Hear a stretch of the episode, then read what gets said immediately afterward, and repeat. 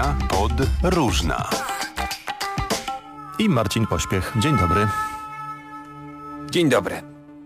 A dziś wyruszamy do kraju słynącego z mnogości krajobrazów i kultur. Do tego wspaniała kuchnia i gościnni mieszkańcy. Czego chcieć więcej, prawda?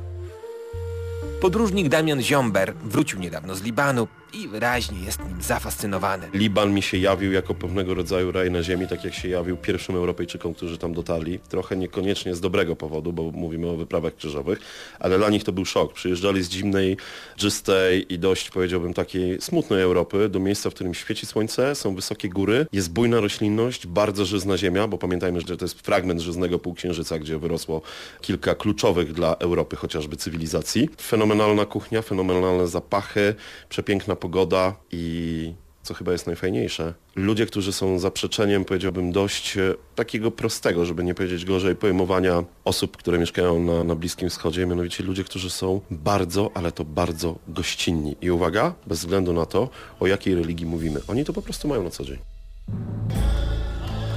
Czy tam jest bezpiecznie? Wiemy, że sytuacja była trochę napięta, mieliśmy do czynienia też z, z, tymi manifestacjami. One były o tyle, powiedziałbym, egzotyczne z punktu widzenia Europejczyka, że to była manifestacja, gdzie ludzie stali, śpiewali piosenki narodowe i rzeczywiście manifestowali w pokoju. Czyli Bejrut, proszę sobie wyobrazić, Bejrut wieczorem, ciepły wieczór, no jeszcze letni powiedzmy, był koniec ubiegłego roku, kiedy na ulicach są tysiące ludzi, oczywiście są żołnierze i jest policja, ale jest spokojnie. Mówiłeś i wspominałeś w naszej innej rozmowie, że no, spotkałeś się z ludźmi z Hezbollahu, partia Boga, założona w latach 80., uznawana przez ten świat zachodni za organizację terrorystyczną. Tak, zgadza się. Rzeczywiście organizacja terrorystyczna, natomiast ja absolutnie nie zamierzam być adwokatem kogokolwiek. Mimo rzeczywiście tego odium, które ciąży na tej organizacji, to warto sobie zdać sprawę, że dla osób, które mieszkają na terenach kontrolowanych przez tę organizację, ta organizacja jest wręcz emanacją państwa. Ja oczywiście, żeby podkreślę to raz jeszcze, to nie znaczy, że ja pochwalam Hezbollah. Absolutnie nie. Żadna metoda, która polega na stosowaniu terroru, bez względu na to, kto to robi,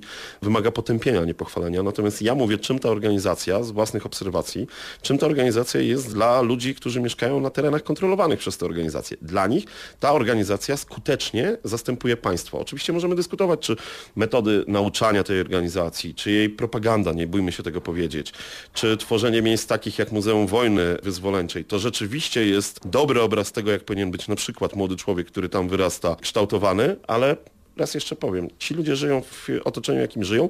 Dla nich teren kontrolowany przez Hezbollah jest prawie że terenem jakby państwowym i niekoniecznie mówimy teraz o państwie libańskim, co też jest swego rodzaju paradoksem. Zostawmy na moment y, politykę. Co warto zobaczyć w Libanie? Gdzie warto pojechać? To jest kraj, który można oglądać długimi tygodniami.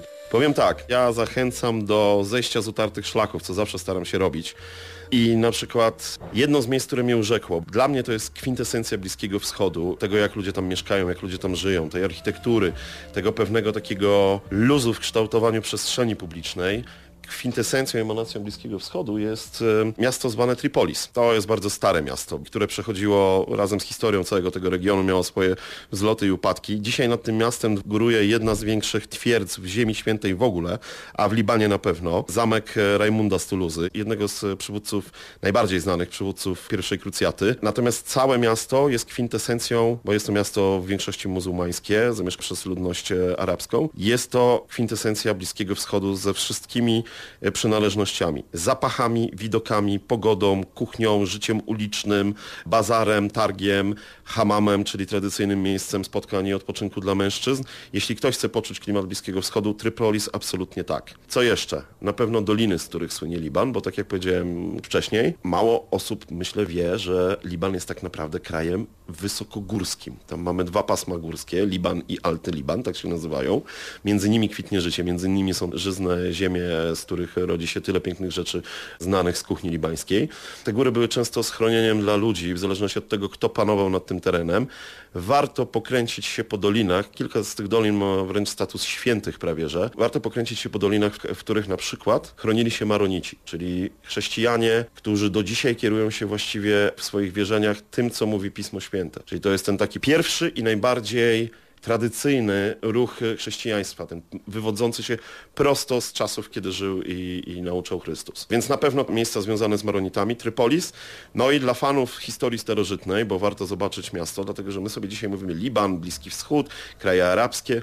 Przypominam, że Liban dzisiejszy to tak w uproszczeniu jest mniej więcej starodawna czy starożytna Fenicja, która później zresztą też jest znana jako Kartagina, bo to były kolonie i tak dalej, więc naród kupców i żeglarzy, który chociażby, to też jest bardzo ciekawe, wbrew postrzeganiu takiemu mocno stereotypowemu, jeśli myjemy dzisiaj e, ręce mydłem, to warto sobie uzmysłowić, że to mydło zostało wynalezione przez Fenicjan. Więc jeśli przejedziemy sobie do Byblosu, ewentualnie do któregoś z innych miast nadmorskich typu Sydon czy Tyr, to warto pochylić się nad tym, co tam było jeszcze wcześniej przed Mamelukami, przed Krzyżowcami, przed Turkami seldżuckimi itd., itd., czyli o ludziach, którzy już 2000 czy 3000 lat temu budowali tam miasta i prowadzili życie gospodarcze. Myślę, że zachęciłeś. Dziękuję bardzo. Do usłyszenia. Jak najbardziej, do usłyszenia, polecam się. Dzięki piękne. Opowiadał podróżnik Damian Ziomber. A podróżna powróci. Marcin Pośpiech. Do usłyszenia.